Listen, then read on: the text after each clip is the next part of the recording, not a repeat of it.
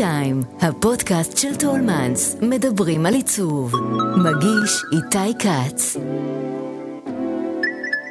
לאדריכלות הישראלית, לפחות במאה שנים, אדריכל, שזה 60 וכמה שנה, וגם אני חושב שיותר הרבה זמן, היה מזל גדול שלא היו אמצעים.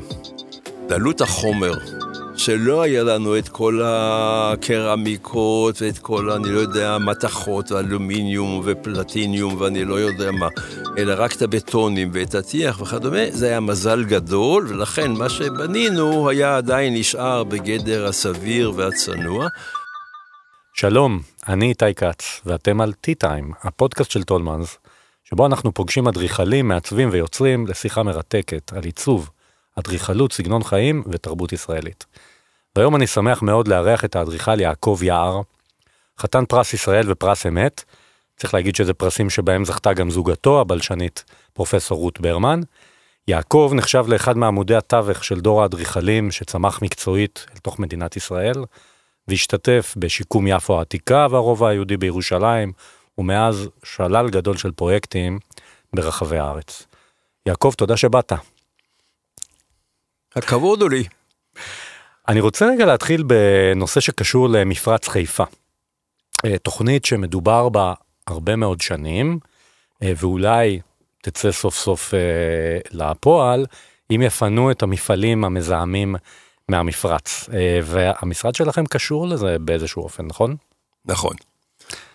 אז בוא תספר. אוקיי, פינוי המפעלים המזוהמים ממפרץ חיפה זה פרויקט לאומי שאני חושב שכל ממשלה, גם זו וגם אחרת, תמיד יאשרו אותה, כי זה מוכרח לקרות. מפרץ חיפה עם המפעלים זה חור שחור במרקם העירוני של מטרופולין חיפה. אלינו פנו לפני, אני חושב, פחות מעשר שנים, לפני שש, שבע שנים או משהו כזה, בבקשה בהנחה שיפנו את המפעלים, מה לעשות שמה, והייתה גם איזושהי תוכנית, אמרו משהו כמו 100 אלף יחידות דיור וכמה מיליון מטר מרובע של משרדים, תעסוקה, תעשייה וכדומה. אז ההחלטה לפנות זה של הממשלה, אבל את המתווה, את העיצוב, למעשה העיצוב העירוני של כל האזור המטרופוליני הזה, שתופר את חיפה עם הקריות וכדומה, זה העבודה שלנו. וזה העבודה שלנו, היא עיצוב. עיצוב של העתיד, אני חושב, באיזשהו מקום, כיוון שאנחנו לא נזכה לראות את זה, זו תוכנית שתתבצע, תתחיל להתבצע עוד עשר שנים, אה, תהיה פחות או יותר מוכנה בעוד 40, 50 שנה, זה טווח מאוד מאוד ארוך, זה פרויקט עצום. אבל העיצוב, הרשת העירונית והתשתיות שקיימות שם, זה העבודה שלנו. אז תעזור לנו רגע לדמיין, אנחנו בעצם מדברים, אה, כמו שאתה אמרת, על החור, אותו חור שחור ומזהם.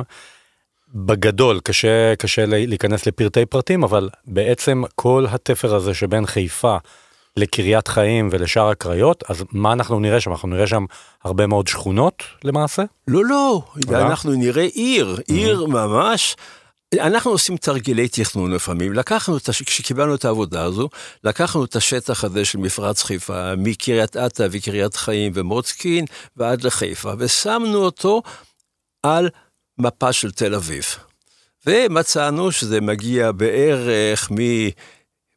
דרומית לכיכר הבימה וכולי, ועד מעבר לירקון, אה, כל צפון אה, רמת אביב וכל זה. זה כולל בפנים את הירקון, בחיפה זה הקישון, זה כולל בפנים את היכל התרבות, את כיכר התרבות למעשה, את גולדה, עם המוזיאון והתיאטרון וכולי וכולי וכולי.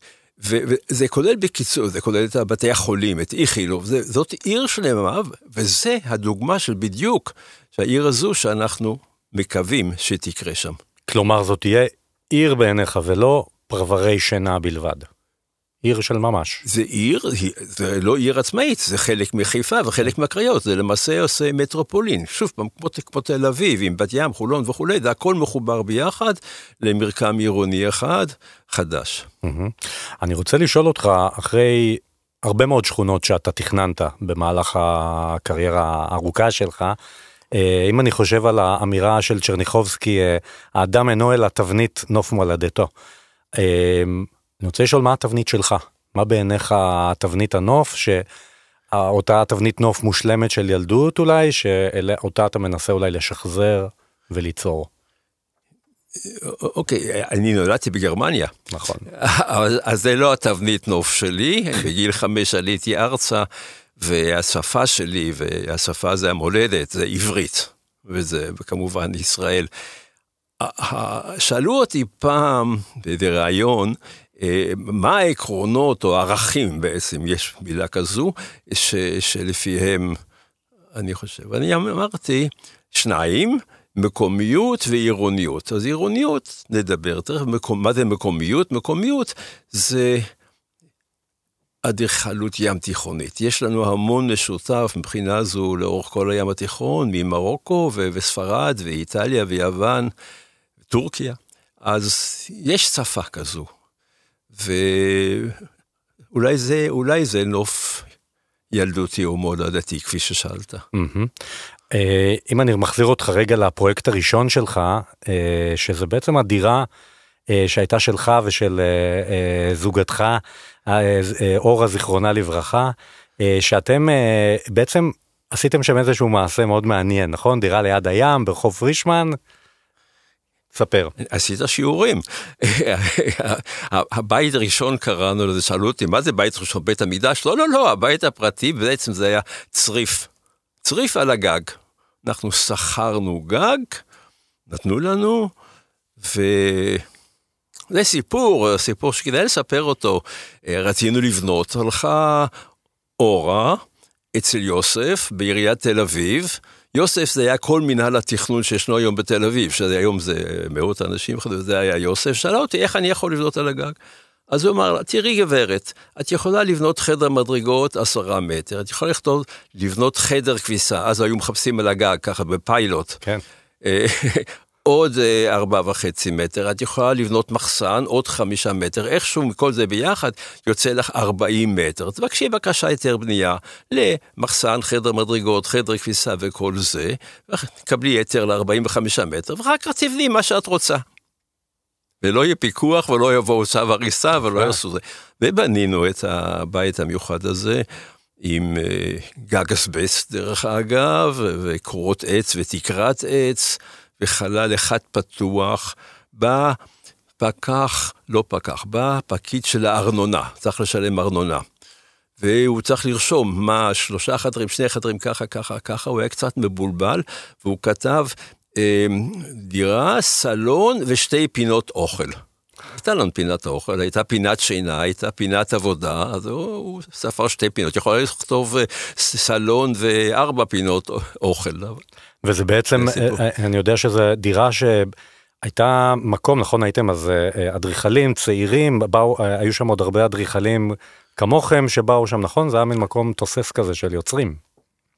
הדירה הזה. שלנו הייתה בעיקר של נשפים. נשפי פורים, נשפי סילבסטר, כיוון ש-31 דצמבר זה יום ההולדת שלי, אז תמיד היינו חוגגים את זה, וזה היה בעיקר דברים כאלה. חוץ מזה, אנחנו עבדנו שם עד שנולדו הילדים, ואז עברנו למשרדים רציניים. אני רוצה לשאול אותך על מקום שנמצא מאוד קרוב למקום שבו אנחנו מדברים עכשיו, פרויקט השוק הסיטונאי. אה, בתל אביב, וזה מקום שלצד העובדה שהדיירים שלו מביעים אה, שביעות רצון מאוד גבוהה ויש ביקוש מאוד גדול למגורים שם, המקום גם אה, ספג וממשיך לספוג ביקורת על התכנון העירוני שלו, על ההיטמעות שלו בתל אביב, האם הוא בכלל חלק מתל אביב, כן או לא מבחינת מרקם. אני רוצה לשאול אותך איך אתה רואה את האיכויות שלו ואת הבעיות שלו, אם אתה מזהה כאלה. קודם כל, ביקורת זה לגיטימי שיש, והאמת היא שגם לי יש ביקורת על מה שנעשה שם. צריך להבין, אנחנו יצרנו את הפרויקט הזה משוק סיטונאי לפרויקט שיש בו מגורים, נדמה לי עד אלפיים דירות, ויש בו קניון, ויש בו אה, מרכז ספורט עירוני, מטרופוליני, ובית ספר, ומשרדים וכל זה. הבניינים עצמם לא אנחנו תכננו, תכננו משרדים שונים, את הקניון, את הבית ספר, משרדים שונים שונים, את לפי התוכנית שלנו. לפעמים אני מאוד אמביוולנטי על התוצאה, כי, כי זה לא בניינים שאני תכננתי ולא העיצוב שאני חלמתי עליו בדיוק. אני אתן דוגמה, הקניון למשל, בתוכנית שלנו, וזה לא רק תוכנית תב"ע, אנחנו עשינו תוכנית עיצוב עירוני, חוברת שלמה של עיצוב עירוני mm-hmm. שהעירייה הייתה צריכה לשמור עליה, להקפיד עליה, ולא הקפידה. בתוכנית שלנו הקניון היה רחוב פתוח. לא קניון עם שער, עם כניסה. עם, עם ביקורת כמובן, כמו נחלת בנימין, נחלת בנימין הוא רחוב. שיש פיקוח משטרה וכדומה, או מאבטחים בכניסה וביציאה, אבל זה רחוב פתוח, וככה זה היה מתוכנן בתוכנית שלנו. אז יש לי ביקורת גם, ועל עוד דברים. אנחנו זכינו בתחרות על הפרויקט הזה, פנו לחמישה, שישה משרדי ערכים הכי הכי בתל אביב, ואנחנו זכינו בתחרות הזו. אה, ולקח, אני חושב, משהו כמו חמש שנים עד שהתוכנית שלנו אושרה. וזה ממש ממש היה שיא מבחינת אישור תוכניות. מהירות. לגמרי, וזה לפני 25-30 שנה או משהו כזה, אז מדברים היום על חדשנות. אז זה היה הפרויקט הראשון בארץ, יש כמה, היו כמה בעולם, ראיתי כמה בסין למשל, או במקומות אחרים, אבל של מין פרויקט כזה כל כך משולב, כל כך מעורב שימושים שהמשרדים והמגורים והחנויות והמסחר, הכל הולך ביחד.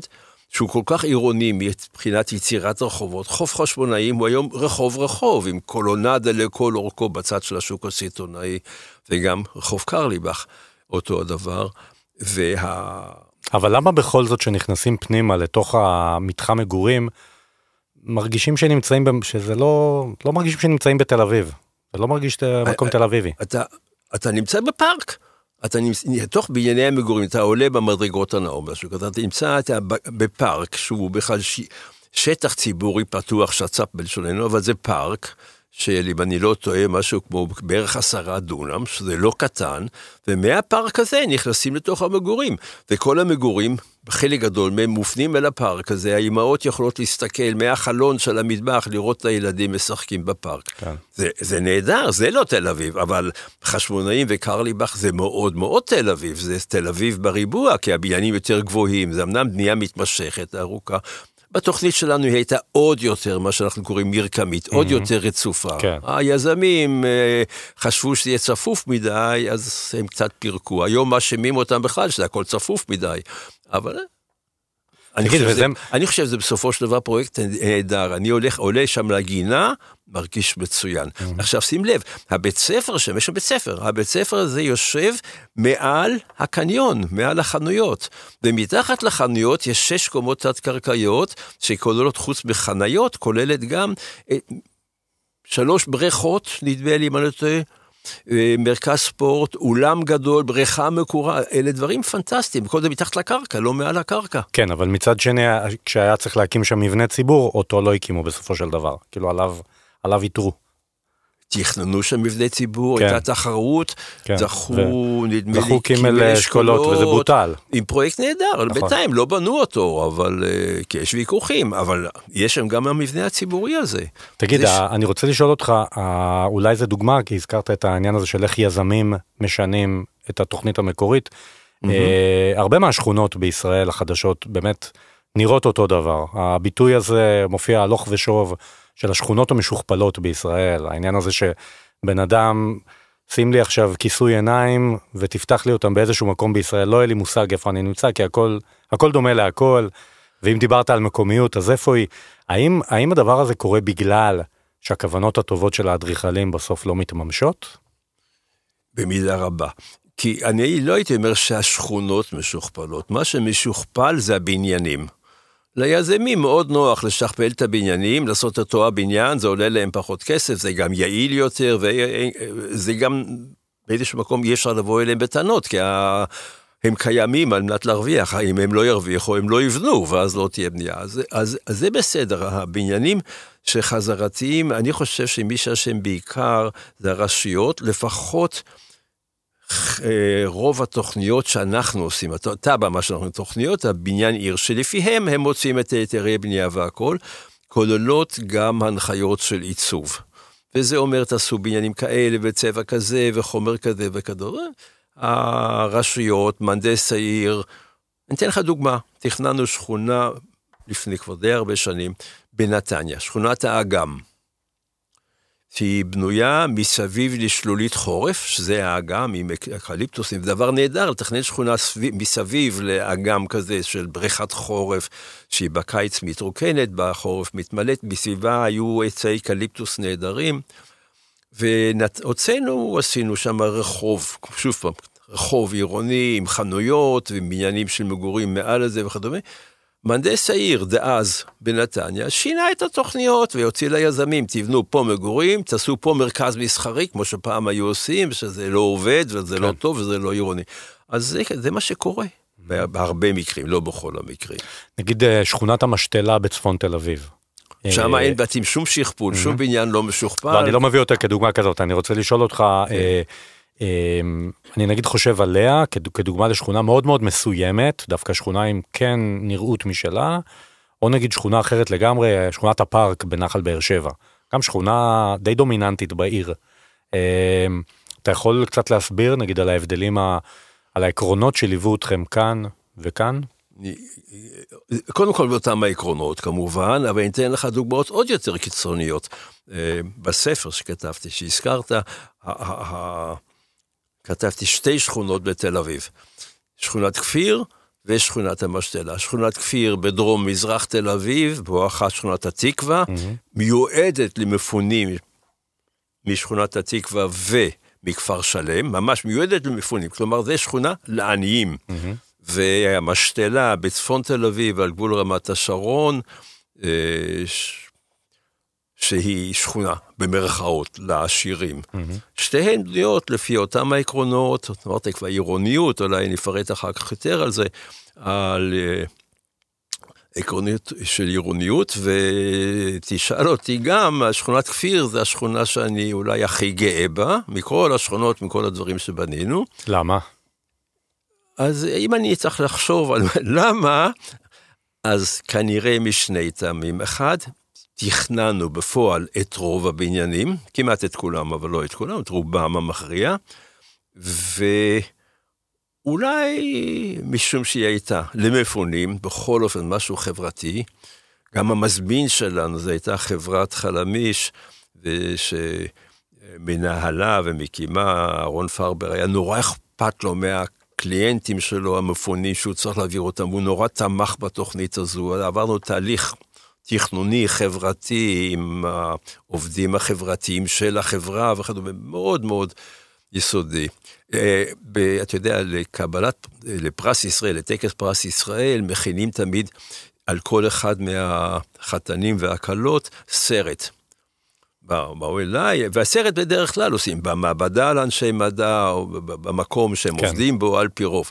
שאלו אותי איפה לעשות את הסרט, הלוקיישן, אמרתי שכונת כפיר. וזה מה שהיה, הסרט עליי בפרס בטקס היה שכונת כפיר. ואגב, עם כל השנים שעברו מאז, התכנון שלכם שרד, או שזה כבר התקלקלו את זה? זה, זה שכונת עוני, וסלאמס למעשה, אבל סלאמס יפה, כמו שיש חורבות יפות מאוד, כל הארכיאולוגיה זה חורבות נפלאות, ו- וזה הפך לחורבות, ועיריית תל אביב לאחרונה אישרה מסמך תכנון אסטרטגי או משהו מהסוג הזה, שזה לא שווה הרבה דבר הזה, אה, לשכונת כפיר, בתוך המחשבה של איזשהו סוג של שימור, פנו גם אליי בשביל לתת הצעה. אני חושב בשביל לצאת ידי חובה בעיקר, כי אחרת יגידו להם מה, אתם מתכנן בפרס ישראל, שכונת כפיר, אתם לא משתתפים ב... בתוכנית הזאת, שהדפיקו גם אותי, אבל לא נתנו לנו את העבודה, ומישהו אחר עושה את העבודה, ומה שהם החליטו שם לעשות, זה לשמר בלוק אחד, שישה, שבעה, שמונה בלוקים עירוניים, מה שאנחנו קוראים בתוך הרשת העירונית, אה, בלוקים, אז בלוק אחד לשמר כמבני ציבור, לגמרי לשמר אותו, ואת היתר להרוס ולבנות מחדש. כן. אה, ועצם הרעיון של השימור של בלוק, אה, אני חושב שומעים מהקול שלי שזה כן. לא בדיוק נראה לי נכון, לא היה צריך לשמר את זה. אני נגד שימור טוטאלי ובוודאי שימור מהסוג הזה. אם אני מסתכל על שכונות שתוכננו הרבה לפני קום המדינה ושכונות שמתוכננות היום, אני חושב שהמחירי הנדל"ן יגידו את שלהם. המחירים ברחביה יהיו יותר גבוהים בהרבה מהמחירים בשכונת נוף פארק, השלמת החסר, איפה. אני רוצה לשאול אותך, מה, מה היום נעשה פחות טוב ממה שנעשה אז, לפני קום המדינה, שאולי אותם שכונות כמו רחביה או הדר בחיפה, ויש עוד דוגמאות בחולון אה, אה, ואחרות, מה, למה אז זה עבד יותר טוב? למה עד היום אנשים מעריכים את זה יותר ומוכנים לשלם על זה יותר כדי לגור שם? תראה, את רחביה תכנן, אם אני לא טועה, ריצ'רד קאופמן. כן. אדריכל מתכנן ערים גאון, הוא תכנן גם את נהלל, הוא תכנן עוד כמה דברים, הסתבר לי גם שהוא כנראה תכנן רמת גן בשלב הראשון שלה עם תוכנית נפלאה שנהרסה לגמרי בהמשך, ממש מכוערת היום, אבל, אבל הוא היה פשוט מתכנן גאוני, ו... ו... יכול להיות, שוב, אם אני אנסה לחשוב יותר מדי ברצינות, אז השורשים שלו היו במאה ה-19, וה...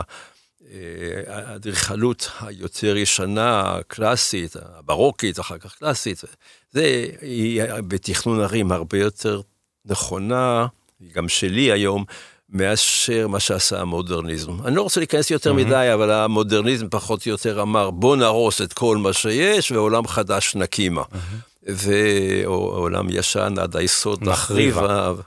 פה פה פה פה. בדיוק. וזה המודרניזם, ומבחינה זו, כל השכונות שנבנו אחרי זה, ובעיקר השיכונים שלנו של שנות ה-50 וה-60, שלא הייתה ברירה, בנו אותם מהר מהר, אבל הם נבנו לפי העקרונות של המודרניזם. ומזל, היום אפשר לעשות שם התחדשות שכונות ולצופף אותם ולעשות, אפשר להרוס אותם אבל בסוף אנחנו, בסוף אנחנו מגיעים לשכונות חדשות שיש להם רחובות רחבים למעבר של אה, טנקים, אה, עם... אה, איזושהי עירוניות, הכל מבוסס לא, רכב לא, פרטי לא. ולא רואים כמעט אנשים ברחוב.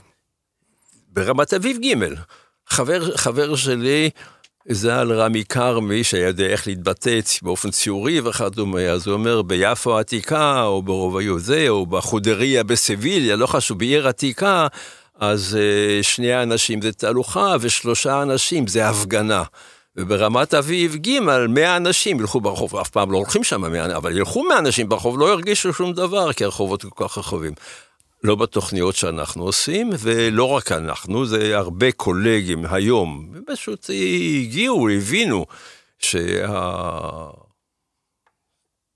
המסורתית, כמו תל אביב, תוכננה על ידי פטרי גדס לפני בערך 100 שנה, לעיר של 30 אלף תושבים, היום זה פי כמה, פי 10, פי 20 ויותר מזה, כבר מזמן עברה את ה-300 אלף, ובטח מתקרב ל-600 אלף, והיא עדיין שורדת, והרחובות של אותו פטרי גדס עדיין... כן. אמנם אומרים שזה לא יכול לסבול, ומגדלים זה מכוער וכולי וכולי, אני חושב שתל אביב יפהפייה, בכיעורה. הגדרה, הגדרה טובה. כן. אמ, לפני, מה זה, ב-2016, אתה פרסמת את הספר החיים והארכיטקטורה, ספר שהזכרת לפני רגע, שזה ספר שמתחת בו לא מעט ביקורת, גם על הממסד, על הקולגות. אני רוצה לשאול אותך מה בעצם אה, הצית בך את הצורך לעשות את זה אחרי כל כך הרבה שנים במקצוע, ומשהו כמו עשר שנים אחרי שזכית בפרס, בפרס ישראל. אז א', אני לא השמצתי קולגים. רשויות התכנון והמוסדות קיבלו מה שמגיע להם. אני מאוד מאוד פרגנתי לקולגים. דווקא בספר אני חושב שאני מאוד מפרגן, אני גם בכלל מפרגן לקולגים, משהו כזה. אז אני לא זוכר שמתחתי ביקורת. אמ, למה כתבתי את הספר? כתבתי, למה שתמיד חשבתי שאני אכתוב את הזיכרונות שלי, כי יש הרבה, אני, אני בן אדם שלא שוכח שום דבר. אז אה, אני, אני, אני ארכיון לארכיטקטורה הישראלית, ממש. אבל שתמיד חשבתי שאני אכתוב את הספר כשאני אצא לפנסיה, והיום אני יודע שלפנסיה אני אצא בארון, במקרה הטוב, ובכיסא גלגלים, ועוד כמה דברים לא יפים, אה, במקרה הפחות טוב. אז אה, לכן ישבתי וכתבתי, ורק התחלתי, הייתי צריך את ההתחלה, וההתחלה הייתה, נולדתי ב-31 לדצמבר 1929, היום האחרון של שנות ה-20, שנות ה-20 העליזות, ואני פספסתי את כל החגיגה. אה, וזה היה התחלה וזה התחיל לזרום.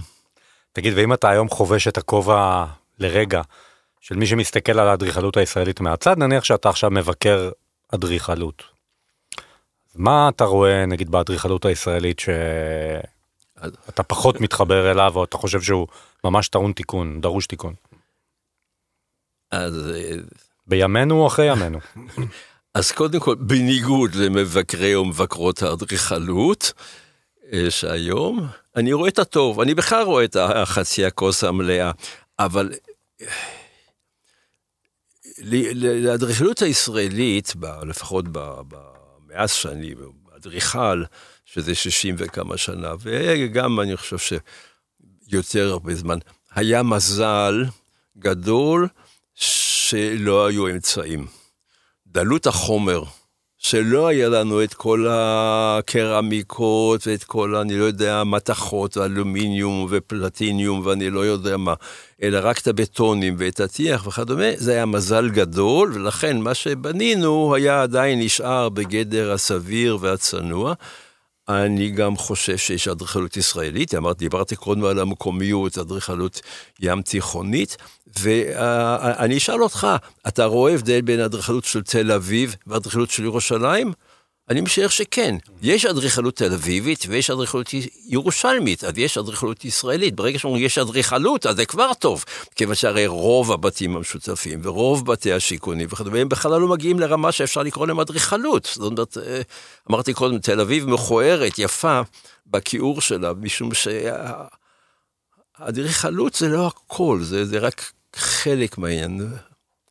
אני לא חושב שהסברתי יותר מדי טוב, לא, אבל, דווקא... אבל מה, מה זה מה שאני מרגיש. דווקא הסברת. אה, אני רוצה לשאול אם יש איזשהם פרויקטים ש... שלא תתכנן או איזשהו איזשהו קו אה, מוסרי מסוים שיש לך אני רוצה לשאול אותך למשל על העניין הזה שאתה מתכנן שכונות בגדה בניגוד לאדריכלים מסוימים תל אביבים שנמנעים מלחצות את הקו הירוק. אני רוצה לשאול אותך אם זה בגלל שזה הדעות הפוליטיות שלך או שאתה עושה פשוט הפרדה אני אדריכל איש מקצוע לא מערב את זה, אם אני, אם אני מקבל פרויקט אני עושה אותו. אז קודם כל לא, לא תכננתי בהתנחלויות. בואו נתחיל מזה.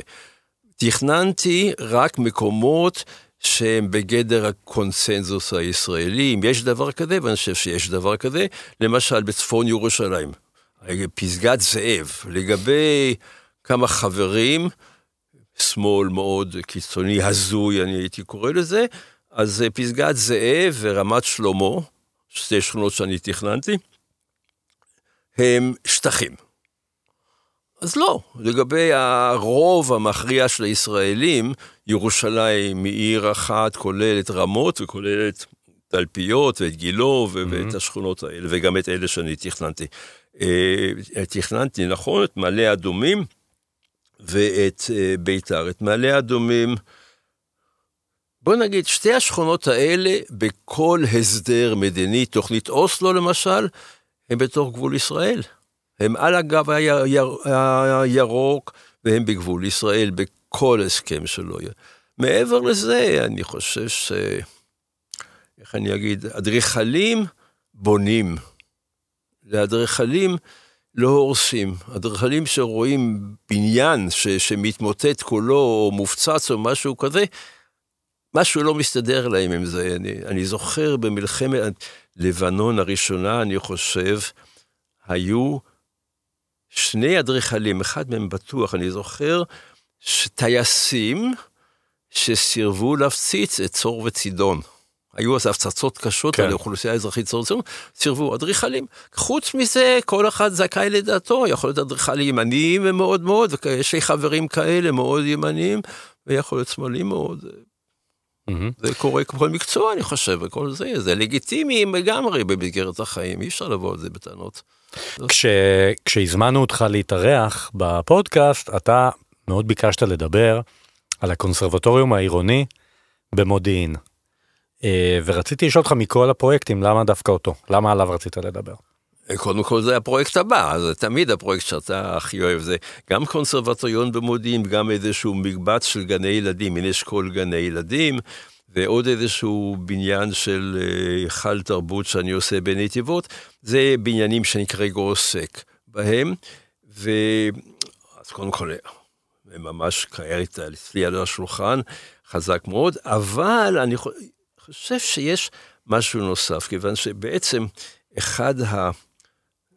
אולי המזל שיש לי, אבל זה של המקצוע, מקצוע אדריכל, כולל טווח כל כך גדול של דברים, מבניין קטן, וילה, ותכננו וילות בשנים הראשונות שלנו, ובנייני ציבור, בבתי ספר, אנחנו תכננו עכשיו, גמרנו בית ספר בשכונת הפארק בבאר שבע, ואני יכול למצוא את עצמי באותו יום עוסק בנושאים כמו מפרץ חיפה עם אה, עשרות אה, יחידות דיור, עשרות אלפי יחידות אה, דיור למאות אלפי אנשים, אה, איך להתוות את הרחובות, ואיפה בחור יפגוש בחורה ויוכלו לשבת על ספסל, ואיפה יהיו העצים ואיזה תעלת מים וכדומה, אה, ובאותו יום להתעסק עם ה... ציפוי של האולם הקוני שאני מתכנן בקונסרבטוריון הזה, ואיך יהיה מצופה בגלזורה שקרני השמש יתנוצצו עליו לפי שעות היום, מלאך השמש, ישתנה הברק של הבניין הזה. אז באותו יום אני עושה גם בזה וגם בזה, והנושא הזה חשוב לי. אתה בעצם היום, אה, מי שמנהלת את המשרד זאת אה, בתך, טלי יער אה, קוסט. אז איך מתנהלת העבודה, איך מתחלקת העבודה ביניכם? אתה הרי ממשיך, אתה אדריכל פעיל לחלוטין, יום יום במשרד. כן, קודם כל היא מנהלת את כל העניינים, אבל מעבר לזה, לפרויקטים, אז רוב הפרויקטים, כולל מפרץ חיפה וכדומה, זה מה שהיא עוסקת ויושבת בישיבות כל היום וזה, ואני עוסק במספר פרויקטים, הבניינים, כמו שאמרתי, הקונסרבטוריון זה אלה, וגם כמה פרויקטים של התחדשות עירונית, בעיקר בשכונות גדולות. של התחדשות עירונית וזה אני עוסק, אבל שנינו לגמרי מכירים אחד את הפרויקט השני ויכולים בכל שלב שהוא אה, להיכנס לנעליים של השני ולשבת ישיבות. מזל שהיה קורונה ויש היום ישיבות זום ואנחנו לא צריכים לבזבז יום שלם בשביל ישיבה של חצי שעה בירושלים או בחיפה כן. או באר שבע. אבל אה, ככה זה עובד וזה עובד טוב. חוץ מזה עוד דבר עצם העניין שהמשרד הוא משרד משפחתי. מי היה מעסיק אותי? מי היה נותן לי עבודה לחטיאר כמוני, שהעבודות האלה צריכות להתבצע ולהמשך במשך חמש שנים מינימום וחמישים שנה מקסימום. אז זה ברור שיש לי מזל ש... ש... שזה משפחתי ושזה... זה לא מזל, אתה עשית את זה. זה חלק, זה חלק מההחלטות שלך, זה לא עניין של מזל. גרמת לזה לקרות. אני לא החלטתי ללדת ארכיטקטית. זה קרה אין שום ספק שהעובדה שאורה ואני אה, היינו נוסעים לחוץ לארץ לציורי ארכיטקטורה והילדים רואים זה משפיע. כן. אני רוצה לשאול אותך לקראת הסוף. כשאתה מסתכל אחורה על באמת קריירה כל כך ארוכה ועשירה יש איזה פרויקט במיוחד שאתה אומר זה פרויקט שאני גאה בו במיוחד באמת שעל הפרויקט הזה הגיע לי לקבל פרס ישראל. יש כזה? אני כבר אמרתי, אה, שכונת כפיר, כן. מהבחינה הזו. היא, היא ה top שלך. אני, אני חושב כן. שבמידה רבה כן, אבל תראה, גם השוק הסיטונאי זה פרויקט שנבנה. פעם ראשונה שראינו, גם טלי, גם אני, את הפרויקט גמור, ובחזית של הקניון עשו איזה מופע של אופנה או משהו, כי זה הרי נקרא משהו כן, שדרות כן. האופנה, אז פתאום ראינו, רגע, זה הרי זה מה שאנחנו חשבנו, לא בדיוק, אבל, אבל די קרוב. יעקב יער, אני רוצה אה, להודות לך מאוד שבאת אלינו, להתארח, אה, ותודה לכם שהאזנתם. חפשו את שאר הפרקים של הפודקאסט T-Time של טולמנס באפליקציות ההסכתים. אני איתי כץ, להתראות. האזנתם לטי-טיים, כל מה שמרגש בעולם העיצוב.